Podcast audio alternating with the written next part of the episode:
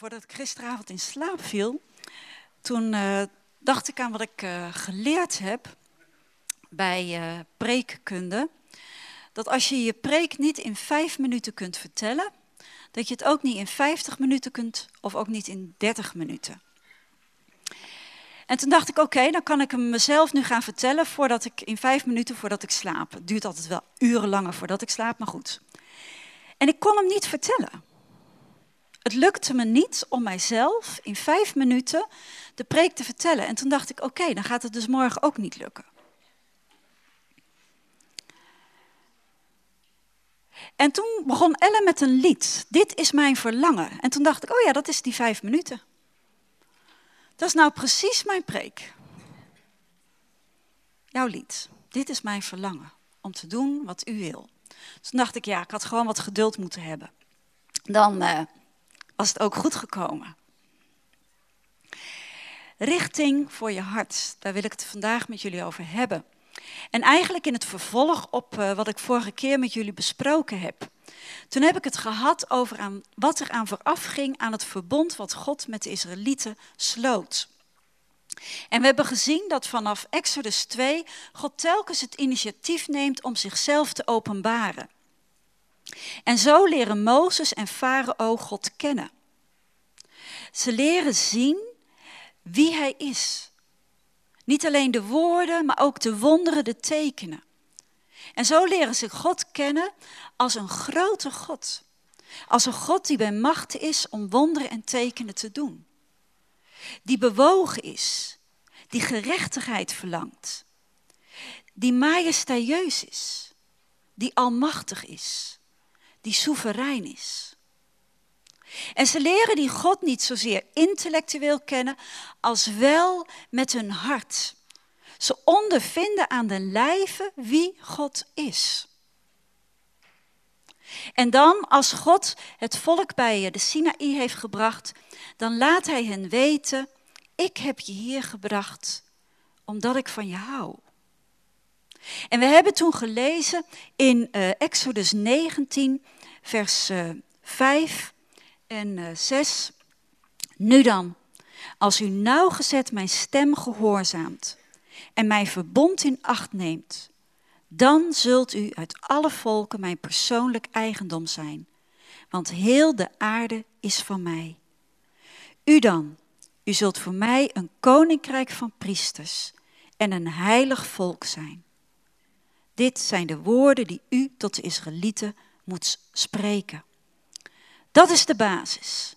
God zegt even: Oké, dit ben je klaar. En dan gaat hij verder. Hij nodigt de Israëlieten uit om hem nog beter te leren kennen. Hij had zich al geopenbaard, maar hij zegt: Ik wil jullie nog beter leren kennen. Ik wil dat jullie mij nog beter leren kennen. En daarom wil ik een persoonlijke, intieme relatie met jullie aangaan. Ik wil een verbond met jullie sluiten. Voor eeuwig. Ik wil voor eeuwig aan jullie verknocht zijn. En dat ben ik al, maar ik wil dat jullie voor eeuwig aan mij verknocht zijn. En over die relatie wil ik het vandaag met jullie hebben. En we vinden die relatie, die verbondsrelatie, bij uitstek in Exodus 20 tot en met 24. En wees niet bang, ik ga niet al de vierde hoofdstukken lezen, maar we beginnen met Exodus 20. Exodus 20, vers 1 tot 17. Toen sprak God al deze woorden. Ik ben de Heere uw God, die u uit het land Egypte, uit het slavenhuis geleid heeft. U zult geen andere goden voor mijn aangezicht hebben. U zult voor uzelf geen beeld maken, geen enkele afbeelding van wat boven in de hemel of beneden op de aarde of in het water onder de aarde is. U zult zich daarvoor niet neerbuigen en die niet dienen, want ik, de Heer, uw God, ben een naijverig God, die de misdaad van de vaderen vergeldt aan de kinderen, aan het derde en vierde geslacht van hen die mij haten. Maar die barmhartigheid doet aan duizenden aan hen die mij liefhebben en mijn geboden in acht nemen. U zult de naam van de Heere uw God niet ijdel gebruiken, Want de Heere zal niet voor onschuldig houden wie zijn naam ijdel gebruikt.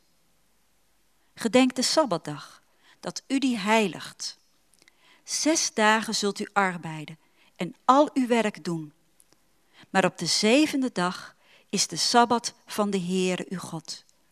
Dan zult u geen enkel werk doen, noch uw zoon, noch uw dochter, noch uw slaaf, noch uw slavin, noch uw vee, noch uw vreemdeling die binnen uw poort is.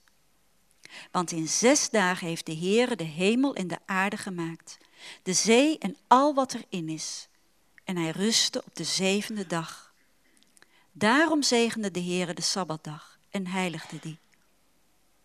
Eer uw vader en moeder, opdat uw dagen verlengd worden in het land dat de Heer uw God u geeft.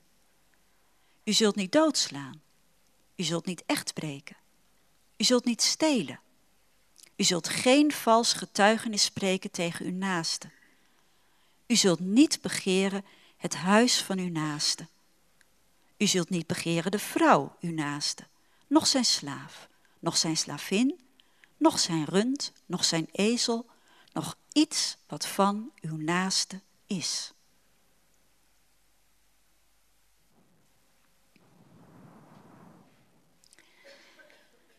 Vers 1. Toen sprak God. God begint, niet de mens. God nodigt het volk uit. Ik ben er, kom jij. Het initiatief ligt bij God. God wil ons, nee, God wil dat wij Hem beter leren kennen. Hij kent ons. En in vers 2 lezen we dan, ik ben de Heere uw God, die u uit het land Egypte, uit het slavenhuis geleid heeft. De basis van het verbond is genade. God heeft het volk bevrijd uit Egypte. God heeft hen verlost uit de slavernij. Niets wat het volk heeft gedaan of kan doen of zal doen, is de basis voor de relatie die God nu met hen aangaat. Het is God, enkel en alleen, wat Hij heeft gedaan, wat ervoor zorgt dat ze nu een blijvende relatie met hen kunnen aangaan. Deze woorden geven ook aan dat het niet gaat om een gelijkwaardige relatie. God en de mens, het Israël, zijn niet gelijkwaardig en komen nu tot een soort vriendschapsrelatie. Nee, God is de meerdere. Maar hij buigt zich naar de mens, naar het volk en zegt, jij mag bij mij komen. Jij mag mij leren kennen. Jij mag mijn liefde ervaren. En dan in de versen 3 tot 17 staan de ons bekende tien geboden. Overigens, het Oude Testament spreekt niet van geboden, maar van woorden. Alleen het Nieuwe Testament spreekt van geboden. En waarschijnlijk dat wij daarom ook zeggen tien geboden. Maar het Oude Testament spreekt van tien woorden. En deze tien woorden vormen het hart van het verbond. Dit zijn de basisbepalingen. Vanuit hier worden allerlei gedetailleerde uh, omschrijvingen, wetten gegeven. Maar die tien woorden laten zien waar het in het verbond met God om gaat. Dat we in een juiste relatie tot God en onze medemens komen te staan. En ik neem aan dat toen ik de tien geboden las, dat er bij heel veel herkenning was. Althans, als ik ze hoor, dan denk ik, oh ja, kom dit, kom dat, komt zus. Van jongs af aan ben ik ermee opgegroeid. Elke week hoorde ik in de kerk. En vaak ook twee keer, als we smiddags opnieuw gingen. En daarna, toen ik wat uh, vrijer werd, zag ik ze ook regelmatig uh, voorbij fietsen. En ik denk dat de meesten van ons eigenlijk wel weten. Ze zijn zo vanzelfsprekend. En voor de Israëlieten, toen zij ze hoorden, was het zesde tot en met tiende gebod ook heel vanzelfsprekend. Want het eer tot je moeder, tot en met niet begeren, daar waren zij ook van jongs af aan mee opgegroeid, want dat waren ook wetten in Egypte. Die laatste zes wetten kwamen in elk wetboek van het oude nabije oosten voor. En daar waren ze dus heel vertrouwd mee. Maar die eerste vier wetten, die hebben we nog nooit gevonden in wetten van het oude nabije oosten. Die eerste vier wetten, die eerste vier woorden, zijn dus uniek. En deze woorden geven bij uitstek aan hoe God zich openbaart aan het volk. En hoe God gekend wil worden door het volk. En hoe stelt hij zichzelf dan voor? Vers 3. U zult geen andere goden voor mijn aangezicht hebben. In Egypte en ook in de andere uh, landen van het oude nabije oosten geloofde men in een pantheon van goden, dus in een veelheid van goden. En die goden hadden dan hemelse vergaderingen en dan namen ze besluiten. En dan besloten ze dat ze dit gingen doen, dat gingen doen. En dat was allemaal prima. En boven al die goden stond dan een soort oppergod. En die had als taak om de aarde te onderhouden en om goed te zorgen voor de mensen. Maar dat deed hij zelf niet, dat delegeerde hij. Dus dat uh, gaf hij aan andere goden en dan zei hij, daar zorg jij voor en dan was het klaar. En dat is het beeld wat de Israëlieten hebben als ze uit Egypte komen. Er zijn heel veel goden en nu maken wij kennis met ja, de oppergod. En dan zegt God, ho, stop. Het beeld wat jij hebt van een God, zul jij drastisch moeten gaan veranderen. In evangelische termen, je zult je ervan moeten bekeren. Want ik ben niet een God die te midden van andere goden functioneert. Ik heb niet te maken met een hemelse vergadering waar ik afhankelijk van ben. Ik zit niet met een democratie of een wat dan ook. Ik ben de enige God. Mijn macht is absoluut. Ik deel mijn autoriteit met niemand.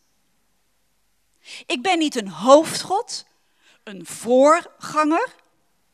Ik ben de enige God. En als al die andere goden geen gezag hebben, geen werkveld, dan hebben ze dus geen macht. Dan zijn het in wezen geen goden. En jouw aanbidding dus niet waard. Dus set up your mind. Ik ben de enige God. Mijn macht is absoluut. En dan gaat hij verder met zichzelf te openbaren in vers 4 en 5a. U zult voor uzelf geen beeld maken, geen enkele afbeelding van wat boven in de hemel of beneden op de aarde of in het water onder de aarde is. U zult zich daarvoor niet neerbuigen en die niet dienen. In het oude nabije oosten, dus ook in Egypte, waren de Israëlieten gewend dat van alle goden een beeld werd gemaakt. Dat deed je gewoon, want dan zag je wie die God was. En je gaf dat beeld ook de kenmerken van die God. Uh, de God van de oorlog had een schild en een zwaard. Uh, de God van de zee had een drietand. En als je die God zag, wist je gewoon, dat is die God, klaar. Als dat beeld af was, dan vond er een ceremonie plaats. En tijdens die ceremonie daalde die God in dat beeld. Die bezielde dan dat beeld, die ging in dat beeld wonen. En de godheid manifesteerde zich dan door dat beeld, waardoor dat beeld ook bijvoorbeeld kon eten en drinken. Daarnaast werd dat beeld gebruikt om te bemiddelen tussen de aanbidding dus in plaats van gelijk naar die God te gaan, knielde men voor dat beeld. En dat beeld werd gezien als bemiddelaar tussen de mens en God. En God zegt hier tegen de Israëlieten: Dat beeld, dat laat je maar aan de Egyptenaren. Ik wil jou een nieuw beeld van mij geven.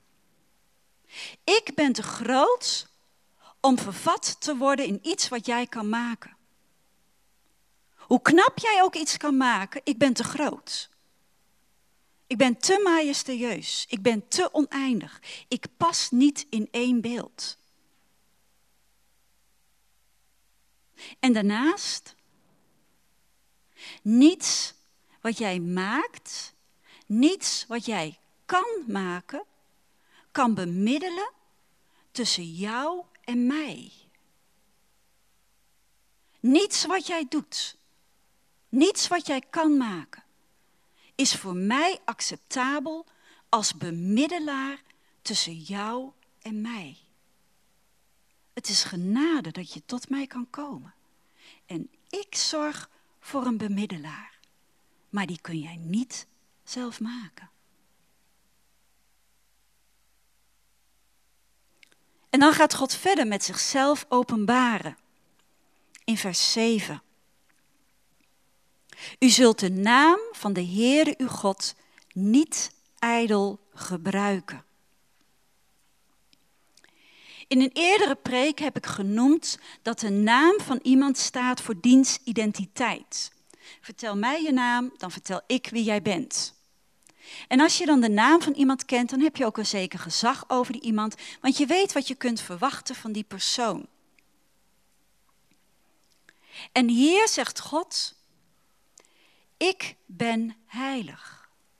Mijn naam is heilig, want ik ben heilig. In het oude nabije Oosten was er weinig scheiding tussen religie en magie. En met magie probeer je de goden te manipuleren en te beheersen. En in feite ben je dan goed voor een God, zodat hij goed is voor jou. Een soort uh, voort wat, hoort wat principe. Uh, ik geef die God eten morgens en dan zorgt hij dat ik een grote overvloedige oogst heb. Uh, ik dank hem en dan zegent hij mij. En op die manier probeer jij macht en invloed te hebben op die God. Manipuleer je hem. En God zegt hier tegen de Israëlieten: Ik ben heilig. Ik behoor tot een andere sfeer dan jullie. En ik bepaal zelf wanneer ik zegen. Ik laat me niet manipuleren. Ik wil een open en transparante relatie met jullie aangaan, zonder verborgen agenda. Je mag mij kennen zoals ik ben. En ik wil dat jullie open en eerlijk naar mij toe zijn. Zodat je mij leert kennen zoals ik ben. Respecteer wie ik ben. Breng mijn naam niet in verband met dingen die ik niet ben. Maar gebruik mijn naam alleen voor dingen die ik ben. Want ik ben heilig.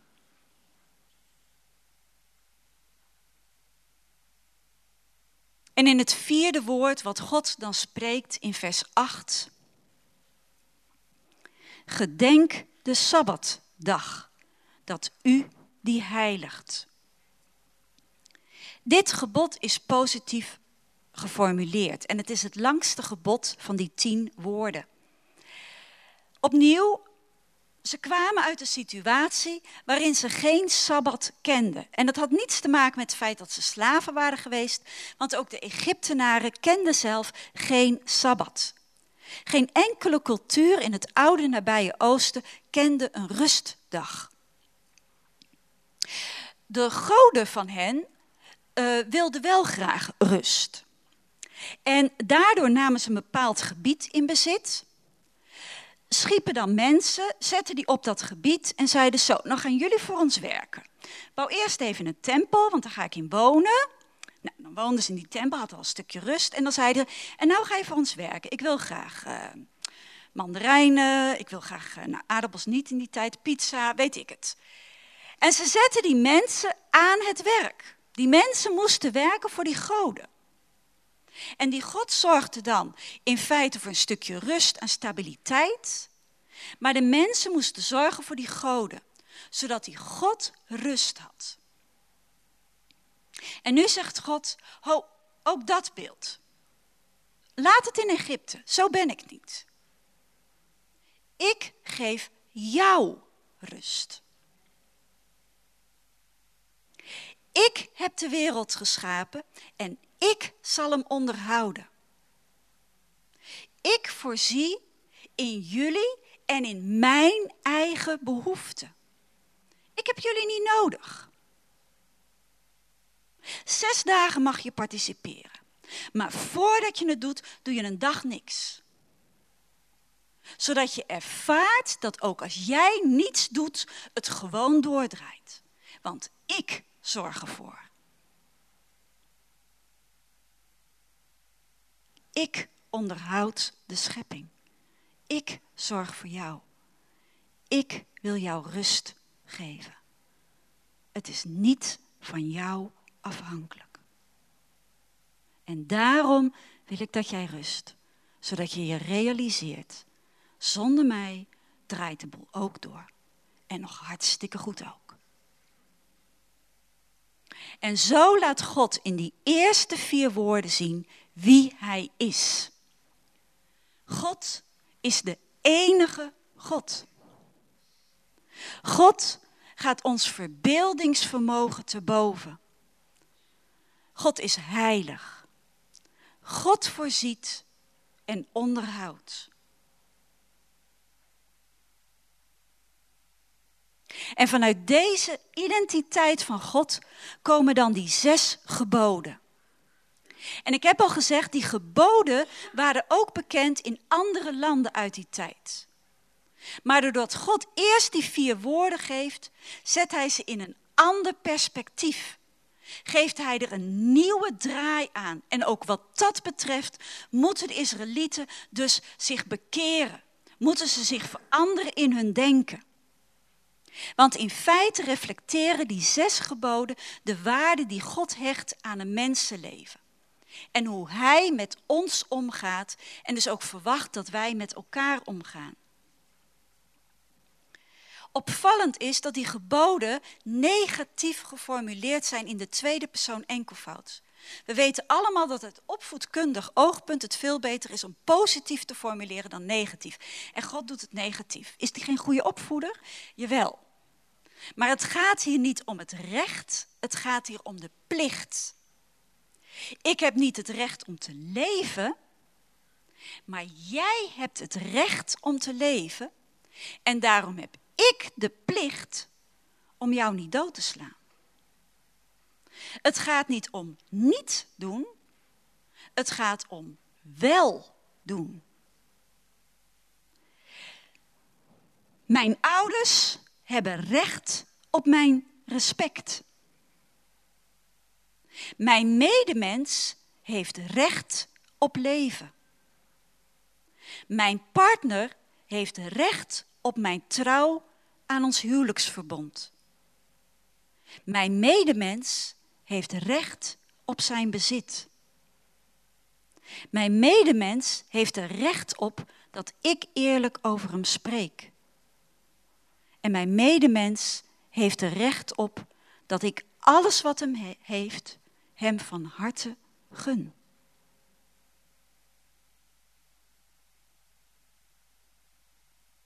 In die tien woorden maakt God zichzelf dus bekend.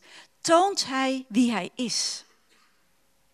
En tevens maakt hij met die tien woorden bekend wat hij van het volk verwacht. Hoe ze hem zullen ontmoeten en hoe ze elkaar zullen behandelen. Die tien woorden zijn dus wel degelijk geboden, regels. De Israëlieten moeten ze houden. Na deze tien woorden komen er gedetailleerde bepalingen die doorlopen tot, tot en met hoofdstuk 23 in Exodus. Die bepalingen worden ook wel voorschriften, verordeningen genoemd, afhankelijk van je vertaling. Maar daar worden die tien woorden in geconcretiseerd. Die vertellen eigenlijk van, oké, dit zijn de normen. Dus dat betekent in die concrete situatie moet je dit en dit doen. En bij die uitwerking, uh, bij die bepalingen, daar zitten ook voorwaarden. Daar zitten ook straffen bij. Als je het niet doet, dan. In tegenstelling tot bij die tien woorden. En heel vaak lezen wij die uh, gedetailleerde bepalingen als wetsvoorschriften. Dit moet ik doen. Alsof het een soort wetsboek was aan de hand waarvan uh, recht werd gesproken. Maar zo zijn ze helemaal niet bedoeld. Het zijn geen uh, gedetailleerde bepalingen. Wat dat betreft is de term eigenlijk heel misleidend gedetailleerd. Want in deze verordeningen timmert God helemaal niet alles dicht. Het zijn meer casussen, voorbeelden, aan de hand waarvan God zegt: ga nou maar zelf nadenken hoe het dan in andere gevallen werkt. Het zijn dus regels aan de hand waarvan je zelf kunt bepalen: hé, hey, nu zit ik in deze situatie, hoe mag ik dan nu handelen? God geeft dus ter inspiratie, als voorbeeld, als een paradigma, zodat je weet wat Hij van jou vraagt, maar niet als compleet wetboek. Zoals eens iemand heeft gezegd, God is je vader, niet je moeder. Je hoeft niet te vragen welke kleren je aan hoeft vandaag. God is een relatie met je aangegaan, heeft zichzelf bekendgemaakt. En nu verwacht Hij dat je weet op basis van wie Hij is wat je mag doen. En dat hoeft Hij niet allemaal voor te kouwen. Want je weet wie Hij is, dus je weet wat je moet doen. En dat hoeft Hij niet telkens te zeggen. Hij vader. In latere tijden hebben die Israëlieten al die bepalingen wel dichtgetimmerd. Ze hebben al die wetten genomen en ze hebben ze tot in detail toe uitgewerkt. En gezegd, oh, dan mag dan dat niet en dan dat niet en zus zo niet. En daar ageert Jezus ook tegen. Hij ageert, hij komt niet tegen opstand tegen de wet op zichzelf, maar wel wat de mensen ervan gemaakt hebben. En dat met name de schriftgeleerden en de fariseeën. Want die fariseïsche wet, die verstikte eigenlijk Gods bedoeling. Die belemmerde het zicht op de gever van de wet. Die zorgde ervoor dat de mensen de wet gingen houden in plaats van God liefhebben en doen wat hij vraagt. Ze zorgden ervoor dat die wet een last werd, omdat die los werd gekoppeld van de relatie. Ze probeerden door de wet naar God te komen, terwijl God heeft gezegd: nee, je bent bij mij en nou mag je zijn als ik. En dat is een hele andere invliegroute. En daar ageert Jezus tegen. Hij zegt: jullie doen het uit angst voor straf of omdat je graag gezegend wil worden of op eigen wilskracht. Maar niet meer omdat je de liefde van de gever van die wet hebt geproefd en die liefde wil beantwoorden. Dus ze hebben er een zooitje van gemaakt. Het zouden zulke christenen, goede christenen kunnen zijn. Maar goed, zo was het dus niet bedoeld. Die tien woorden zijn bedoeld om aan te geven wie God is en wat hij van het volk verwacht. En die rest van die bepalingen zijn dus als voorbeeld, zodat we zelf ons gezonde verstand kunnen gebruiken om te weten wat God dan van ons wil. Als Mozes al deze woorden voorleest aan het volk, zegt het volk dat ze die woorden willen doen. Dat lezen we onder andere in Exodus 24, vers 3. Mozes kwam terug en vertelde al de woorden van de Heere en al de bepalingen aan het volk. Toen antwoordde heel het volk eenstemmig en zij zeiden, al de woorden die de Heer gesproken heeft, zullen wij doen. De geschiedenis wijst echter uit dat er slechts één Jood is geweest die de wet heeft gehoorzaamd. Slechts één heeft op wijze aan de intentie van de wet voldaan. En hij hield de wet. Niet omdat hij bang was voor straf. Niet omdat hij uitkeek naar de beloning. Niet uit eigen kracht of op wilskracht. Maar hij hield hem omdat hij wist dat God hem lief had als zijn enige geboren zoon. En omdat de geest van God in hem woonde. En vanuit die identiteit en door de kracht van de Heilige Geest vervulde hij de wet. Onderwierp hij zich aan wat God van hem vroeg en zei hij, niet mijn wil, maar uw wil geschieden. En zo vervulde hij de wet. Omdat hij plezier had in en liefde had voor de wet. En doordat hij de plezier en die liefde had, vervulde hij de wet ten diepste. En leefde hij niet naar de letter van de wet, maar naar de geest van de wet. En zo had hij waarlijk God lief heel zijn hart, heel zijn ziel, heel zijn kracht en heel zijn verstand. En zijn medemens als zichzelf. En toen deze ene Jood tot de kruisdood toe gehoorzaam was aan de Vader en opsteeg naar de Vader, zond hij de Heilige Geest. En die geest, die Christus toen de kracht gaf, de vreugde en de liefde voor de wet, wil dat ook nu aan ons geven. Het zit in je. Mag het eruit komen? Of beter gezegd, Hij zit in je, mag het zichtbaar worden. Wil je God gehoorzamen? Wil je doen wat Hij van jou vraagt? Niet omdat het moet. Niet omdat je bang bent, omdat je anders gestraft wordt en niet meer bijhoort, hij niet meer van je houdt. Niet omdat je dan denkt, oh dan krijg ik tenminste zegeningen en dan gaat het goed met me. Niet uit eigen kracht.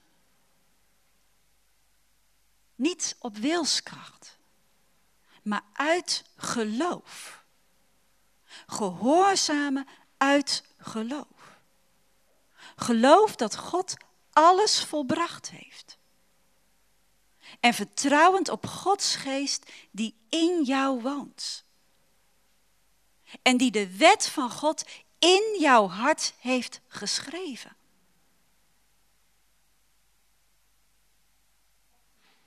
En mag dat geschrevene eruit komen. Mag die wet in jouw hart richting geven aan jouw leven? Mag die bepalen wat jij wel en niet doet?